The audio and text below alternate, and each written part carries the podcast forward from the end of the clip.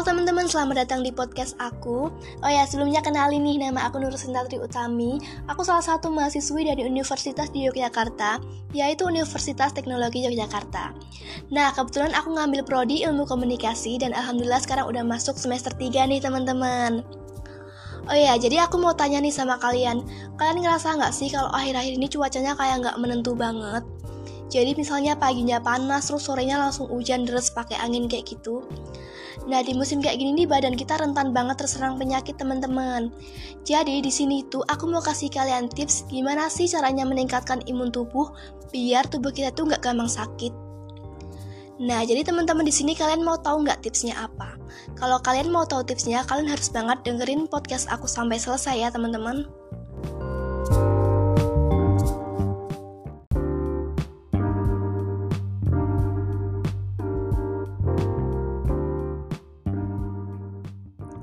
Halo teman-teman, selamat datang di podcast aku. Oh ya, sebelumnya aku perkenalan dulu ya. Kenalin nih, nama aku Nur Sintatri Utami. Aku mahasiswi dari salah satu universitas swasta terkenal di Yogyakarta. Ada yang bisa tebak nggak nih universitas mana? Nah, aku itu dari Universitas Teknologi Yogyakarta, teman-teman. Yang kampusnya itu berlokasi di daerah Jombor, Sleman. Nah, kebetulan aku itu ngambil prodi S1 Ilmu Komunikasi dan alhamdulillah aku sekarang udah masuk semester 3 nih, teman-teman Doain semoga lancar sampai akhir ya. Dan buat kalian yang sedang menempuh pendidikan, semoga juga selalu dilancarkan. Amin. Oh ya teman-teman, jadi sebelum aku mulai, aku mau tanya dulu nih sama kalian tentang kondisi cuaca saat ini. Kalian ngerasa nggak sih kalau akhir-akhir ini cuacanya kayak nggak menentu banget? Maksudnya nggak menentu itu tuh, jadi kalau di daerah aku pagi sampai siangnya tuh panas, mataharinya terik banget, terus sorenya tiba-tiba langsung hujan lebat kadang-kadang pakai angin juga loh teman-teman. Jadi malah cuacanya kayak ngeri gitu. Nah di daerah kalian kayak gitu juga nggak sih teman-teman? Aku rasa di daerah kalian juga kayak gitu ya. Karena ini tuh udah masuk di akhir tahun. Dan menurut BMKG di akhir tahun terutama mulai bulan Oktober ini tuh biasanya terjadi peralihan musim dari musim kemarau ke musim penghujan. Dan apa yang terjadi di daerahku itu tadi merupakan salah satu ciri-ciri dari musim peralihan atau yang biasanya disebut dengan musim pancaroba teman-teman. Nah kalian sendiri pasti juga udah gak asing kan mendengar nama musim pancaroba? Karena dulu waktu masih sekolah hal ini juga pasti sering banget muncul saat mata pelajaran IPA dan pasti guru kalian juga sudah menjelaskannya. Ya nggak sih teman-teman? Pasti iya dong. Nah jadi sebenarnya di musim pancaroba kayak gini nih tubuh kita bakalan lebih rentan banget terserang penyakit Hal ini karena perubahan suhu yang terjadi, misalnya dari panas tiba-tiba langsung hujan kayak gitu, dan juga karena keadaan udara yang gak menentu, yang buat tubuh kita tuh bisa menyesuaikan dengan perubahan tersebut.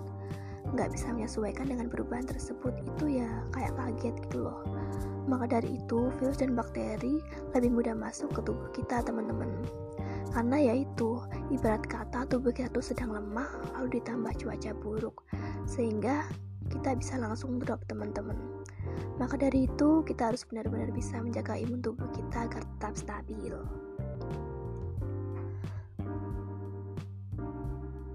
Teman-teman, jadi di podcastku kali ini, aku tuh sebenarnya mau sharing ke kalian beberapa tips tentang gimana sih caranya untuk meningkatkan Oh maaf, gimana sih caranya tips untuk mencegah masuknya virus ke dalam tubuh kita dan gimana caranya meningkatkan imun tubuh saat musim pancaroba kayak ini. Ya, tentunya agar tubuh teman-teman kebal dari virus dan bakteri yang mungkin akan menyerang kalian saat keadaan tubuh kalian sedang lemah, teman-teman. Tips dari aku sebenarnya nggak banyak ya, teman-teman. Cuma bakalan aku sebutin intinya aja, agar kalian nanti mudah memahaminya. Dan tentunya tips yang bakalan aku kasih nanti adalah tips yang biasanya sering aku lakukan saat musim pancaroba juga.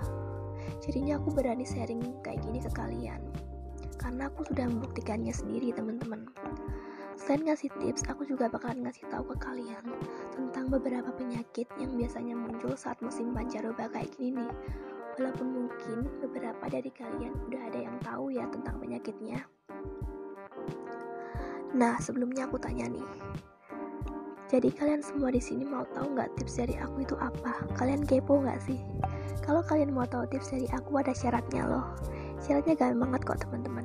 Kalian cuma harus dengerin podcast ini sampai selesai ya. Biar nantinya tips yang bakalan aku kasih ke kalian itu gak cuma-cuma. Jadi tipsnya bisa kalian pahami dengan benar. Dan syukur-syukur bisa kalian terapkan juga dalam kehidupan sehari-hari nih teman-teman. Oke langsung aja kita mulai ke pembahasannya ya teman-teman. Aku harap kalian bisa mendengarkannya dengan fokus ya Jadi penyakit saat musim pancaroba ini ada bermacam-macam. Bahkan ada banyak nih teman-teman. Ada yang sakitnya parah, ada juga yang ringan. Namun yang namanya sakit itu mau sakit apa pun pasti juga membuat kita ngerasa nggak nyaman kan? Nah jadi ini aku sebutin beberapa contoh penyakitnya ya teman-teman. Ada demam berdarah, flu, diare, tips, dan masih banyak lagi sebenarnya. Namun kita coba bahas yang itu dulu ya teman-teman. Nah yang pertama bakal kita bahas adalah penyakit demam berdarah. Kalian pasti nggak asing kan mendengar namanya? Ya, itu adalah penyakit yang menyerang siapa saja dari berbagai usia, mulai dari anak-anak, dewasa, bahkan lansia. Penyakit ini disebabkan oleh virus dengue yang dibawa oleh nyamuk Aedes aegypti. Virus ini masuk ke aliran darah manusia melalui gigitan nyamuk tersebut. Dan secara umum, gejala demam berdarah itu muncul sekitar 4-7 hari setelah gigitan nyamuk Aedes aegypti ke tubuh kita. Gejala penyakit ini ada bermacam-macam ya, antara lain demamnya tinggi, lalu kepala tuh terasa nyeri, terus rasanya kayak mual mau muntah gitu. Jika ada yang merasakan gejala tersebut dan sudah selama tiga hari itu gejalanya nggak sembuh-sembuh. Sebaiknya teman-teman segera periksakan ke rumah sakit ya supaya bisa di lab dicek lab sama dokter dan bisa segera ditangani. Biasanya nyamuk Aedes aegypti itu hidup di tempat yang lembab contohnya kayak di penampungan air. Apalagi sekarang udah masuki musim hujan kan? Dan pastinya akan lebih banyak lagi tempat lembab yang bisa digunakan untuk bersarangnya nyamuk tersebut jadi tips dari aku, jika kalian ingin terhindar dari penyakit demam berdarah, kalian harus rajin-rajin bersihkan rumah, apalagi di bagian yang lembab, seperti kamar mandi, halaman belakang rumah, dan lain-lain. Setelah itu, jangan lupa untuk selalu ikut program fogging. Jadi program ini tuh kayak penyemprotan insektisida untuk memberantas nyamuk demam berdarah yang biasanya program itu ada setiap dua minggu sekali. Dan satu lagi, jangan lupa untuk selalu menguras tempat penampungan air dan bak mandi minimal setiap seminggu sekali ya teman-teman agar tetap bersih dan tidak menjadi sarang nyamuk penyebab demam berdarah tersebut. Oke, aku langsung lanjut ke penyakit yang selanjutnya, yaitu ada penyakit flu, teman-teman. Ini tuh penyakit yang paling familiar dan paling banyak banget dialami orang-orang saat musim pancaroba. Saat mengalami penyakit ini, biasanya badan kita akan terasa panas, lalu hidungnya tuh kayak tersumbat gitu, jadi mau nafas juga agak susah ya. Dan juga bisa merasakan sakit kepala. Oh ya teman-teman, walaupun penyakit ini tuh masih tergolong ringan dan tidak parah lah ibaratnya, tapi penyakit ini dapat menular ke orang-orang sekitar kita juga loh jadi kita harus benar-benar bisa jaga imun tubuh banget nih agar kita juga nggak mudah tertular saat orang di sekitar kita ada yang terpapar flu Selain itu, jika misalnya kita atau kalian yang tertang terpapar flu, sebaiknya selalu menggunakan masker ya jika ingin keluar rumah, agar kalian itu juga tidak menularkan penyakit flu itu ke orang lain. Sebenarnya penyakit flu ini tuh gak hanya muncul saat musim pancaroba kayak gini nih, Penyakit ini dapat terjadi kapan saja jika imun tubuh kita sedang lemah. Jadi ya penyakitnya dapat kapan saja menyerang sih. Nah, tips dari aku untuk menghindari penyakit ini, kalian harus banyak-banyak mengkonsumsi makanan yang mengandung vitamin C. Contohnya kayak sayuran dan buah-buahan seperti jeruk itu. Lalu banyak-banyak minum air putih dan jangan lupa untuk selalu menjaga kebersihan di mana pun kalian berada. Eh satu lagi, saat musim hujan kayak gini nih sebaiknya dikurangin minum minuman yang dingin ya. Misalnya yang mengandung es. Karena es juga bisa menjadi salah satu penyebab flu loh teman-teman. Jika kalian mengkonsumsinya secara berlebihan. Lanjut lagi ya teman-teman.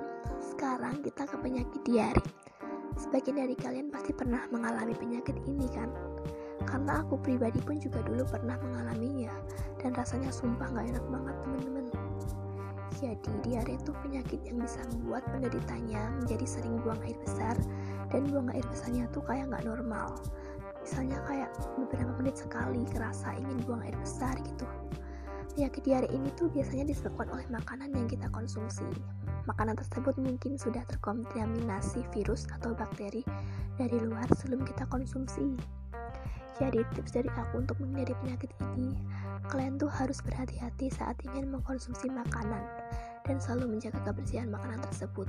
Misalnya jika ingin mengkonsumsi buah dan sayur, jangan lupa untuk dicuci terlebih dahulu dengan air mengalir agar tetap bersihkan buahnya.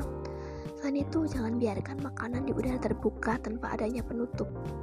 Karena itu tuh rawan banget dihinggapi lalat dan bakteri sehingga jika nanti kalian makan makanan yang bekas dihinggapi lalat itu bisa banget beresiko terkena diare teman-teman.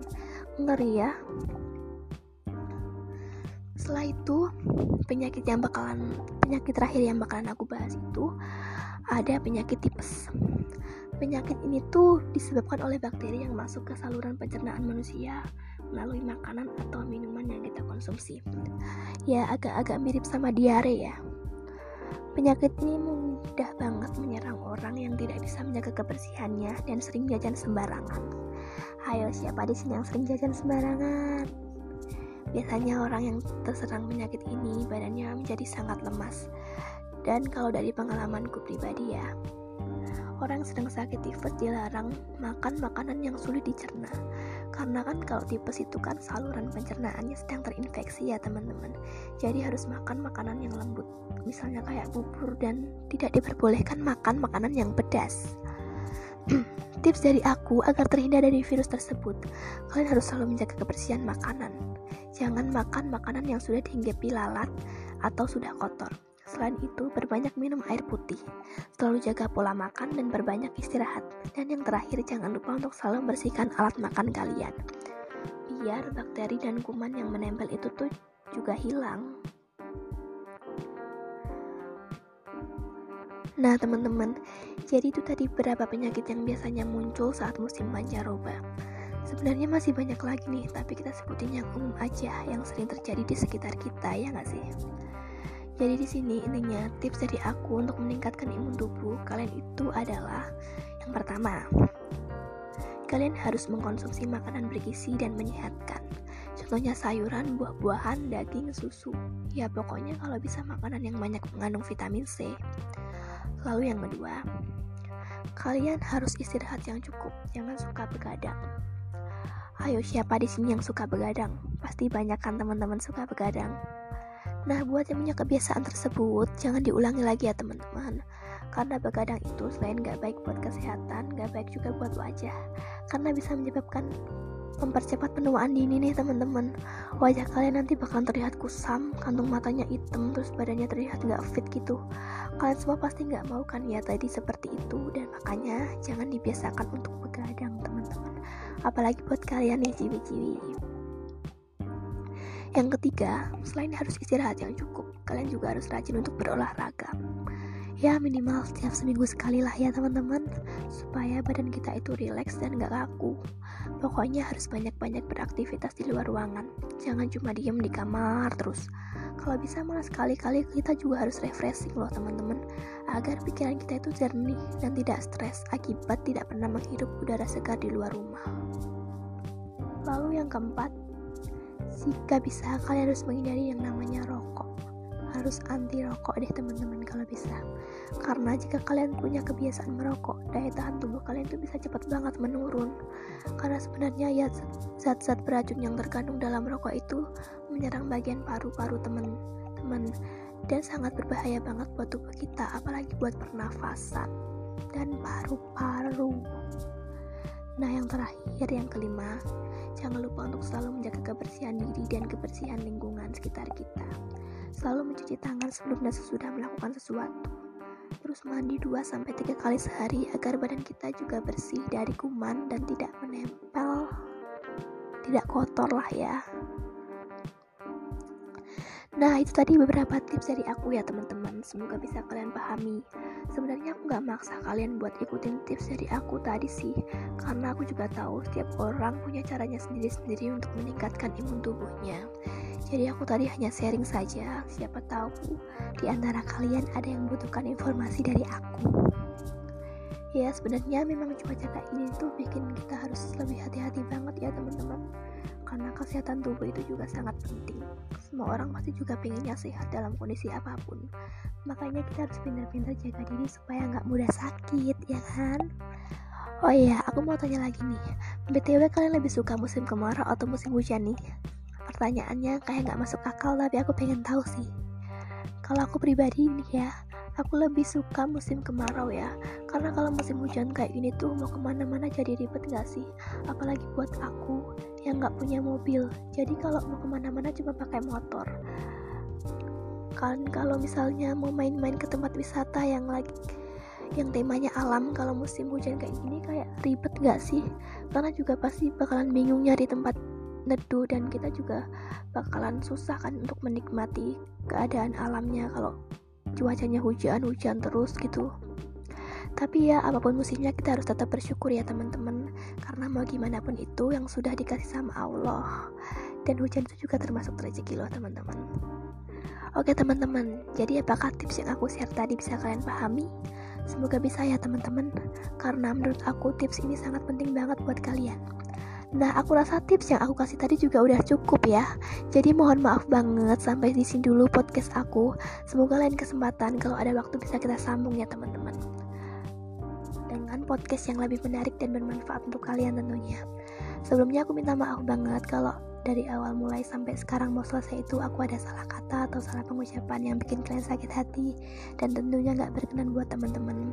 Aku juga mau ngomong makasih banget buat kalian yang udah sempetin waktunya buat dengerin podcast aku sampai selesai. Kalian jangan lupa tetap jaga kesehatan ya teman-teman. Stay safe dan jangan lupa tips dari aku tadi. See you teman-teman. Enjoy. Thank you Halo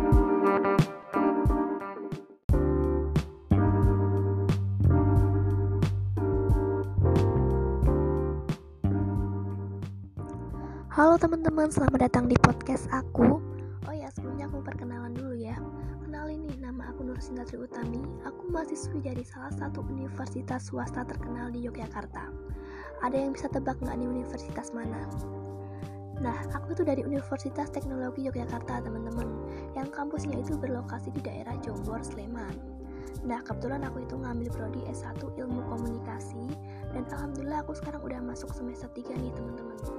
Doain semoga lancar sampai akhir ya. Dan buat kalian yang sedang menempuh pendidikan semoga juga selalu dilancarkan. Amin.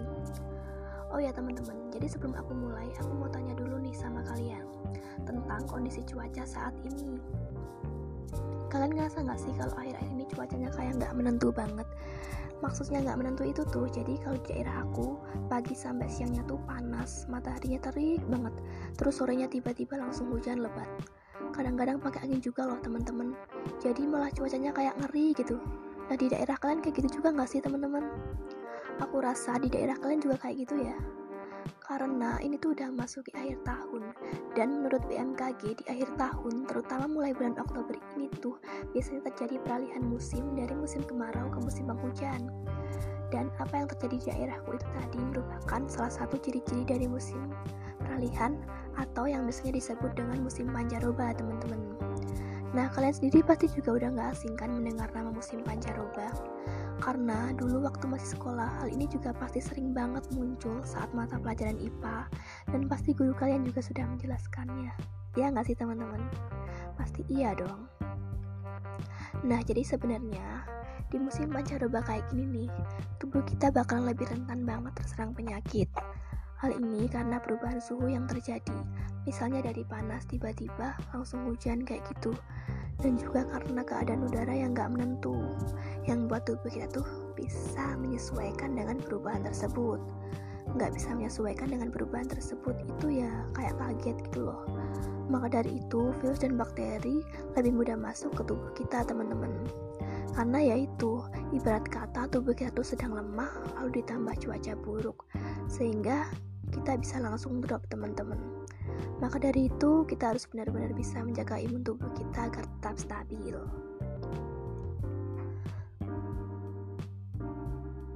Teman-teman, jadi di podcastku kali ini, aku tuh sebenarnya mau sharing ke kalian beberapa tips tentang gimana sih caranya untuk meningkatkan Oh maaf, gimana sih caranya tips untuk mencegah masuknya virus ke dalam tubuh kita dan gimana caranya meningkatkan imun tubuh saat musim pancaroba kayak ini.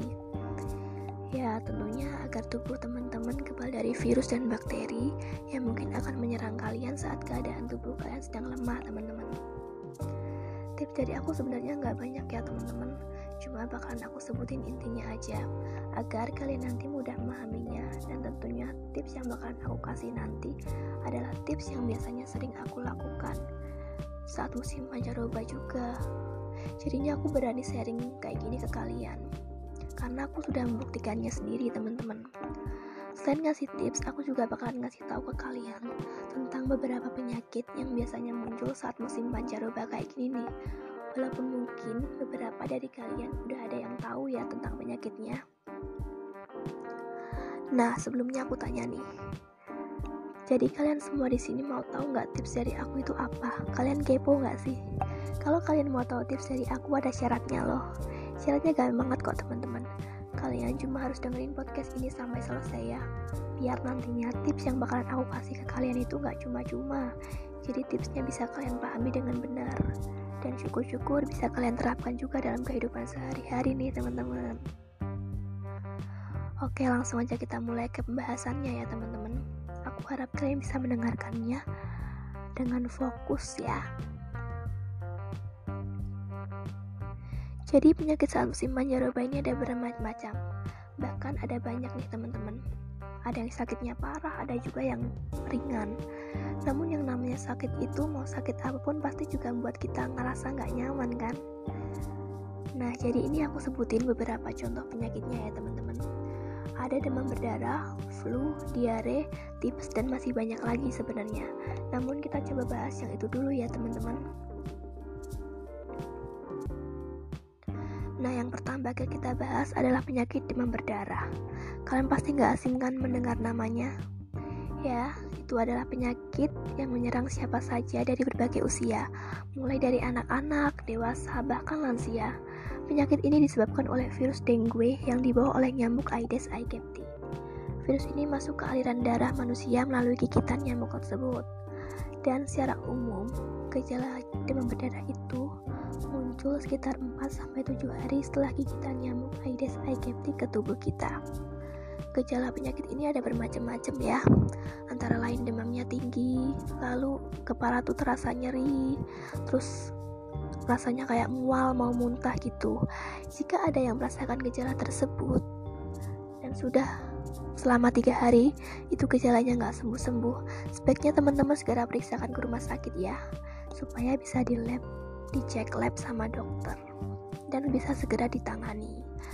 Biasanya nyamuk Aedes aegypti itu hidup di tempat yang lembab, contohnya kayak di penampungan air. Apalagi sekarang udah masuk musim hujan kan, dan pastinya akan lebih banyak lagi tempat lembab yang bisa digunakan untuk bersarangnya nyamuk tersebut. Jadi tips dari aku, jika kalian ingin terhindar dari penyakit demam berdarah, kalian harus rajin-rajin bersihkan rumah, apalagi di bagian yang lembab seperti kamar mandi, halaman belakang rumah, dan lain-lain. Setelah itu, jangan lupa untuk selalu ikut program fogging. Jadi program ini tuh kayak penyemprotan insektisida untuk memberantas nyamuk demam berdarah yang biasanya program itu ada setiap dua minggu sekali. Dan satu lagi, jangan lupa untuk selalu menguras tempat penampungan air dan bak mandi minimal setiap seminggu sekali ya teman-teman agar tetap bersih dan tidak menjadi sarang nyamuk penyebab demam berdarah tersebut. Oke, aku langsung lanjut ke penyakit yang selanjutnya, yaitu ada penyakit flu, teman-teman. Ini tuh penyakit yang paling familiar dan paling banyak banget dialami orang-orang saat musim pancaroba. Saat mengalami penyakit ini,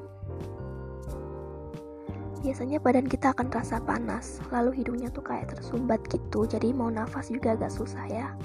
Dan juga bisa merasakan sakit kepala. Oh ya teman-teman, walaupun penyakit ini tuh masih tergolong ringan dan tidak parah lah ibaratnya, tapi penyakit ini dapat menular ke orang-orang sekitar kita juga loh. Jadi kita harus benar-benar bisa jaga imun tubuh banget nih, agar kita juga nggak mudah tertular saat orang di sekitar kita ada yang terpapar flu. Selain itu, jika misalnya kita atau kalian yang terdang terpapar flu, sebaiknya selalu menggunakan masker ya jika ingin keluar rumah, agar kalian itu juga tidak menularkan penyakit flu itu ke orang lain. Sebenarnya penyakit flu ini tuh nggak hanya muncul saat musim pancaroba kayak gini nih. Penyakit ini dapat terjadi kapan saja jika imun tubuh kita sedang lemah. Jadi ya penyakitnya dapat kapan saja menyerang sih. Nah, tips dari aku untuk menghindari penyakit ini, kalian harus banyak-banyak mengkonsumsi makanan yang mengandung vitamin C. Contohnya kayak sayuran dan buah-buahan seperti jeruk itu. Lalu banyak-banyak minum air putih dan jangan lupa untuk selalu menjaga kebersihan di mana pun kalian berada. Eh satu lagi, saat musim hujan kayak gini nih sebaiknya dikurangin minum minuman yang dingin ya misalnya yang mengandung es. Karena es juga bisa menjadi salah satu penyebab flu loh teman-teman jika kalian mengkonsumsinya secara berlebihan. Lanjut lagi ya teman-teman. Sekarang kita ke penyakit diare. Sebagian dari kalian pasti pernah mengalami penyakit ini kan? Karena aku pribadi pun juga dulu pernah mengalaminya dan rasanya sumpah gak enak banget teman-teman jadi, diare itu penyakit yang bisa membuat penderitanya menjadi sering buang air besar dan buang air besarnya tuh kayak nggak normal. Misalnya kayak beberapa menit sekali kerasa ingin buang air besar gitu. Penyakit diare ini tuh biasanya disebabkan oleh makanan yang kita konsumsi. Makanan tersebut mungkin sudah terkontaminasi virus atau bakteri dari luar sebelum kita konsumsi. Jadi tips dari aku untuk menghindari penyakit ini, kalian tuh harus berhati-hati saat ingin mengkonsumsi makanan dan selalu menjaga kebersihan makanan tersebut. Misalnya jika ingin mengkonsumsi buah dan sayur, jangan lupa untuk dicuci terlebih dahulu dengan air mengalir agar tetap bersihkan buahnya. Selain itu, jangan biarkan makanan di udara terbuka tanpa adanya penutup karena itu tuh rawan banget dihinggapi lalat dan bakteri. Sehingga jika nanti kalian makan makanan yang bekas dihinggapi lalat itu bisa banget beresiko terkena diare teman-teman. Ngeri ya? Setelah itu penyakit yang bakalan penyakit terakhir yang bakalan aku bahas itu ada penyakit tipes. Penyakit ini tuh disebabkan oleh bakteri yang masuk ke saluran pencernaan manusia melalui makanan atau minuman yang kita konsumsi. Ya, agak-agak mirip sama diare ya. Penyakit ini mudah banget menyerang orang yang tidak bisa menjaga kebersihannya dan sering jajan sembarangan. Ayo, siapa di sini yang sering jajan sembarangan? Biasanya orang yang terserang penyakit ini badannya menjadi sangat lemas. Dan kalau dari pengalamanku pribadi ya, orang sedang sakit tifus dilarang makan makanan yang sulit dicerna. Karena kan kalau tipes itu kan saluran pencernaannya sedang terinfeksi ya teman-teman. Jadi harus makan makanan yang lembut. Misalnya kayak bubur dan tidak diperbolehkan makan makanan yang pedas. Tips dari aku agar terhindar dari virus tersebut. Kalian harus selalu menjaga kebersihan makanan. Jangan makan makanan yang sudah dihinggapi lalat atau sudah kotor Selain itu, berbanyak minum air putih, selalu jaga pola makan dan berbanyak istirahat. Dan yang terakhir, jangan lupa untuk selalu membersihkan alat makan kalian. Biar bakteri dan kuman yang menempel itu tuh juga hilang. Nah teman-teman, jadi itu tadi beberapa penyakit yang biasanya muncul saat musim pancaroba. Sebenarnya masih banyak lagi nih, tapi kita sebutin yang umum aja, yang sering terjadi di sekitar kita, ya nggak sih? Jadi di sini intinya tips dari aku untuk meningkatkan imun tubuh kalian itu adalah yang pertama, kalian harus mengkonsumsi makanan bergizi dan menyehatkan. Contohnya sayuran, buah-buahan, daging, susu. Ya pokoknya kalau bisa makanan yang banyak mengandung vitamin C. Lalu yang kedua, kalian harus istirahat yang cukup, jangan suka begadang. Ayo siapa di sini yang suka begadang? Pasti banyak kan teman-teman suka begadang. Nah, buat yang punya kebiasaan tersebut, jangan diulangi lagi ya teman-teman. Karena begadang itu selain gak baik buat kesehatan, gak baik juga buat wajah. Karena bisa menyebabkan mempercepat penuaan dini nih teman-teman. Wajah kalian nanti bakal terlihat kusam, kantung matanya hitam, terus badannya terlihat gak fit gitu. Kalian semua pasti gak mau kan ya tadi seperti itu, dan makanya jangan dibiasakan untuk begadang teman-teman. Apalagi buat kalian yang ciwi-ciwi. Yang ketiga, selain harus istirahat yang cukup, kalian juga harus rajin untuk berolahraga. Ya minimal setiap seminggu sekali lah ya teman-teman Supaya badan kita itu rileks dan gak kaku. Pokoknya harus banyak-banyak beraktivitas di luar ruangan. Jangan cuma diem di kamar terus. Kalau bisa malah sekali-kali kita juga harus refreshing loh teman-teman Agar pikiran kita itu jernih dan tidak stres Akibat tidak pernah menghirup udara segar di luar rumah. Lalu yang keempat jika bisa kalian harus menghindari yang namanya rokok. Harus anti rokok deh teman-teman kalau bisa. Karena jika kalian punya kebiasaan merokok daya tahan tubuh kalian itu bisa cepat banget menurun.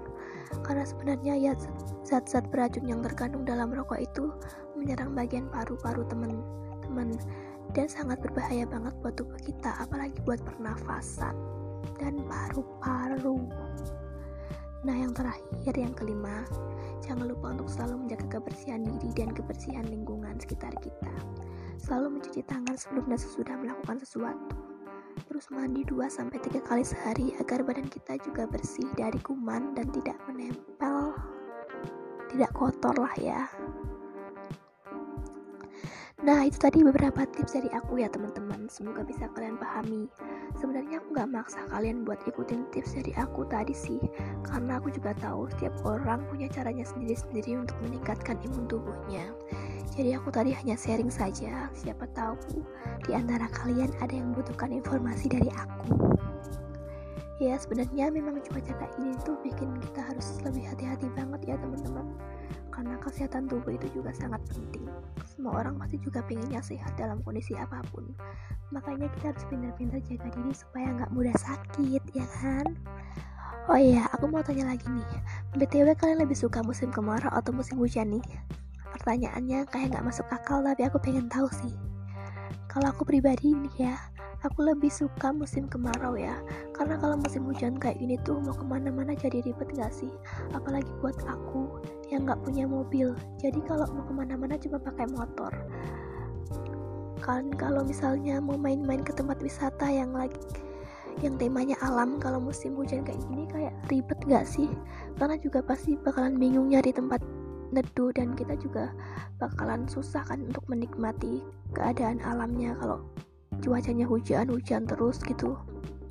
Tapi ya apa pun musimnya kita harus tetap bersyukur ya teman-teman. Karena mau gimana pun itu yang sudah dikasih sama Allah. Dan hujan itu juga termasuk rezeki loh teman-teman. Oke teman-teman, jadi apakah tips yang aku share tadi bisa kalian pahami? Semoga bisa ya teman-teman, karena menurut aku tips ini sangat penting banget buat kalian. Nah, aku rasa tips yang aku kasih tadi juga udah cukup ya. Jadi mohon maaf banget sampai di sini dulu podcast aku. Semoga lain kesempatan kalau ada waktu bisa kita sambung ya teman-teman. Dengan podcast yang lebih menarik dan bermanfaat untuk kalian tentunya. Sebelumnya aku minta maaf banget kalau dari awal mulai sampai sekarang mau selesai itu aku ada salah kata atau salah pengucapan yang bikin kalian sakit hati dan tentunya nggak berkenan buat teman-teman. Aku juga mau ngomong makasih banget buat kalian yang udah sempetin waktunya buat dengerin podcast aku sampai selesai. Kalian jangan lupa tetap jaga kesehatan ya teman-teman. Stay safe dan jangan lupa in tips dari aku tadi. See you teman-teman. Enjoy. Thank you. thank you